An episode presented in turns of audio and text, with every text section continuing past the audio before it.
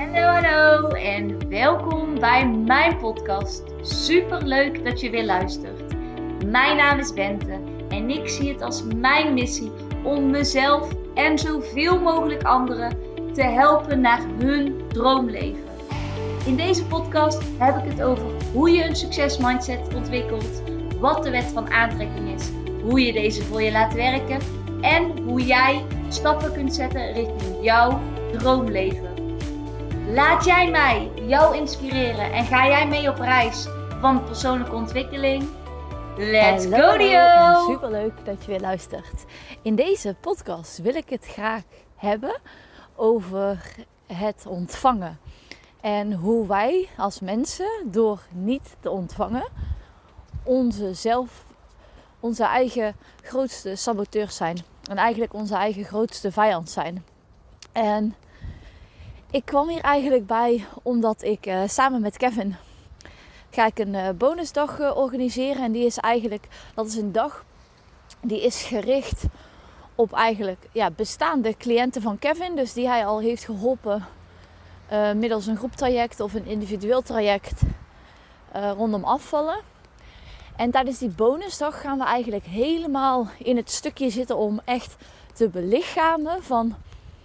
Oké, je bent misschien afgevallen, maar heel vaak hebben we in ons hoofd nog heel veel overtuigingen en angsten om weer terug te vallen in een bepaald denkpatroon. Of denken wij nog, ook al ben je misschien al kilo's afgevallen, of ook al heb je misschien al een heel ander nieuw eetpatroon aangeleerd. Als jij onderliggend nog een aantal overtuigingen hebt met daarin van wat geloof jij, dan kan het zijn dat je dus gewoon op automatische piloot, je onderbewustzijn blijft daar gewoon op, ja, op voortborduren, zeg maar. En alles wat uiteindelijk je overtuiging is, alles wat achter ik ben komt, wat ik gisteren of eergisteren ook zei van dat, dat gaat zich uiteindelijk ja, manifesteren, gaat zich realiseren in jouw werkelijkheid. En, en, en dat is hoe het werkt. En eigenlijk met die dag gaan we daar helemaal op in. Gaan we helemaal in op het oude verhaal, oude overtuigingen die mensen zich zelf vertellen, die mensen eigenlijk hebben aangenomen als waarheid.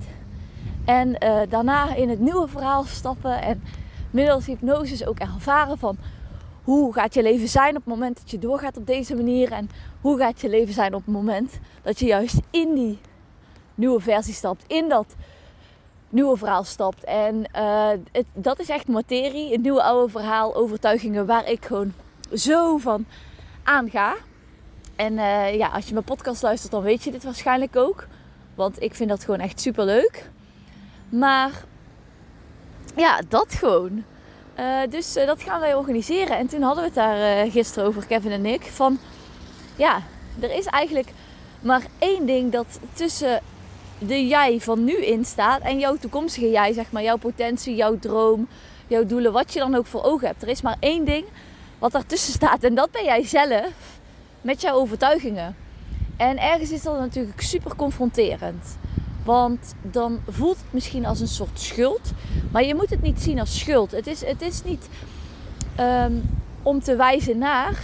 Maar het is wel om verantwoordelijkheid te pakken. En op het moment dat je je bewust wordt van het feit dat jij dus het enige puzzelstukje bent die tussen jou en je grootste doel en je grootste dromen in staat. Op dat moment kun je dus ook de keuze maken om verantwoordelijkheid um, te pakken. En, en daarin stappen te zetten. Want dat betekent dus ook dat jij de touwtjes in handen hebt. En dat jij dingen kunt veranderen. En dat is waar ik het eigenlijk deze podcast over wil hebben. Van als wij onszelf toestaan om te ontvangen. Want dat is uiteindelijk denk ik de kern.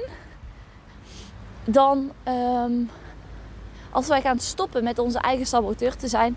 Dan kan er, kunnen er allerlei dingen in ons leven um, komen.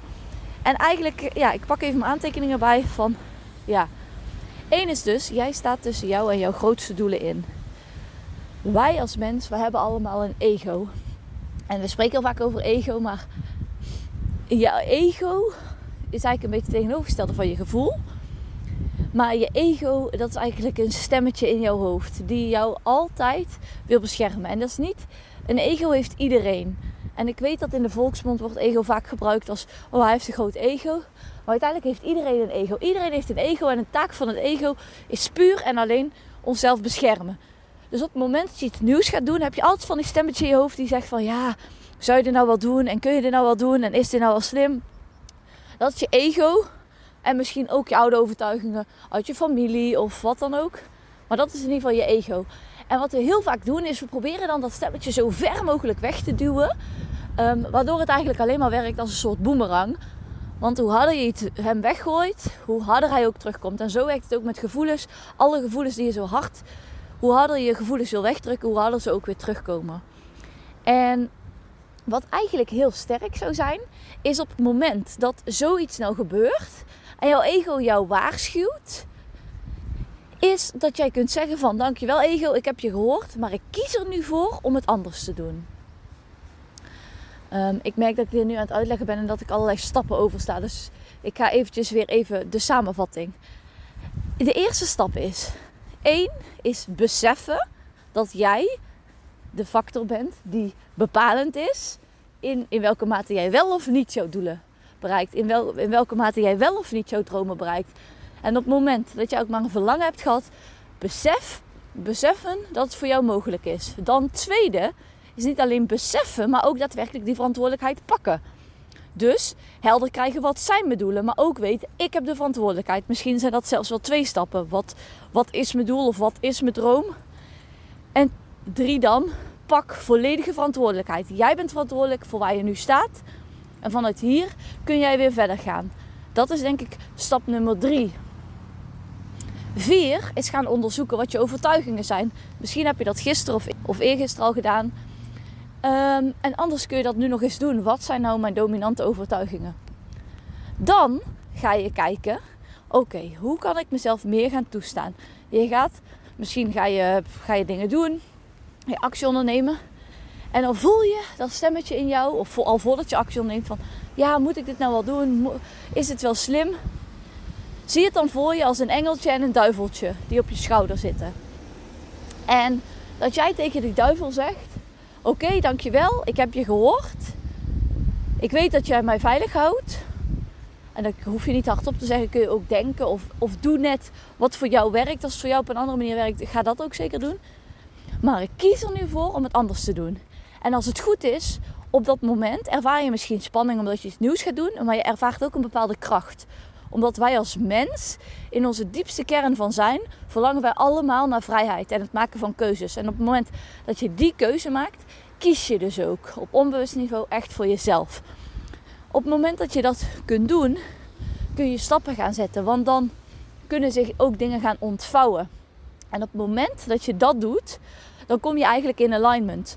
Want dan komen je ego en je gevoel, dat komt weer meer op één lijn.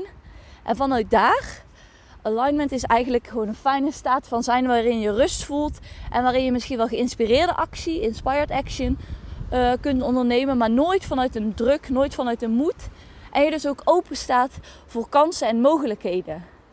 En hoewel dat onnatuurlijk misschien voelt, omdat het nooit zo is geweest, sta je jezelf op dat moment ook toe om te ontvangen. En ik denk dat we allemaal wel gebieden hebben in ons leven waarin we meer zouden willen ontvangen. Of dat nou sociale contacten is, geld, liefde, uh, werk, um, nou ja, noem het wat je wilt. Er zijn altijd wel. Um, ik denk dat er altijd dingen zijn in je leven waarvan je denkt, nou, er zou best iets meer van mogen zijn.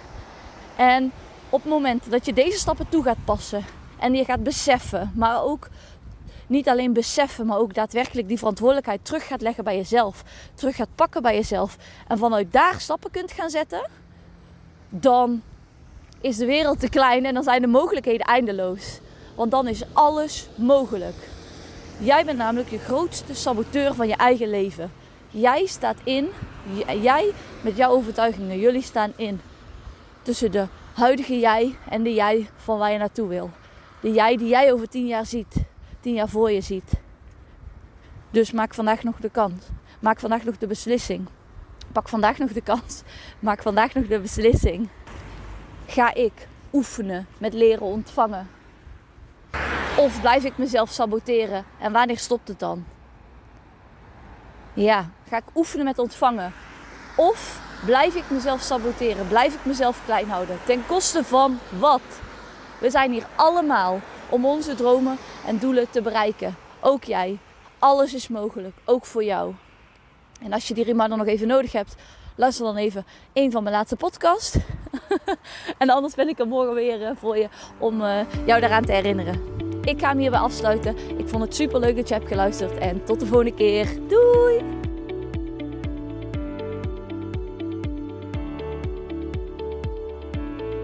Niet je nou van deze podcast en wil je mij graag helpen? Laat dan een review achter via Apple of iTunes en dan help je mij en mijn bereik enorm. Ik wil graag zoveel mogelijk mensen inspireren en helpen. Dus als jij me een klein stapje kunt helpen, waardeer ik dat enorm. Super leuk en dankjewel voor jullie steun.